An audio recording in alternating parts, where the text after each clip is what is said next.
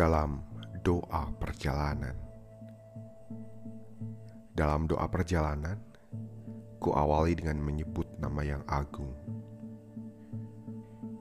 Memulai setiap langkah dengan bijak, berbijak pada kedewasaan diri, memandang dalam berbagai macam sudut dan perspektif. Nantinya, supaya mampu mengambil keputusan dengan tepat. Jika kau pernah gagal, rasanya wajar. Itu sering sekali terjadi, baik dalam perjalanan maupun dalam sebuah proses setiap umat.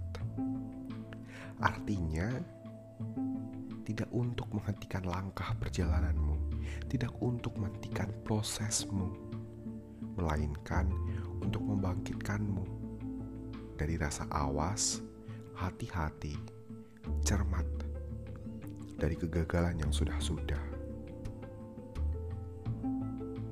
Dari mulanya itu, kau akan tahu langkah mana yang harus kau lebih dahulu kau ambil dan langkah mana yang perlu kau persiapkan dengan matang.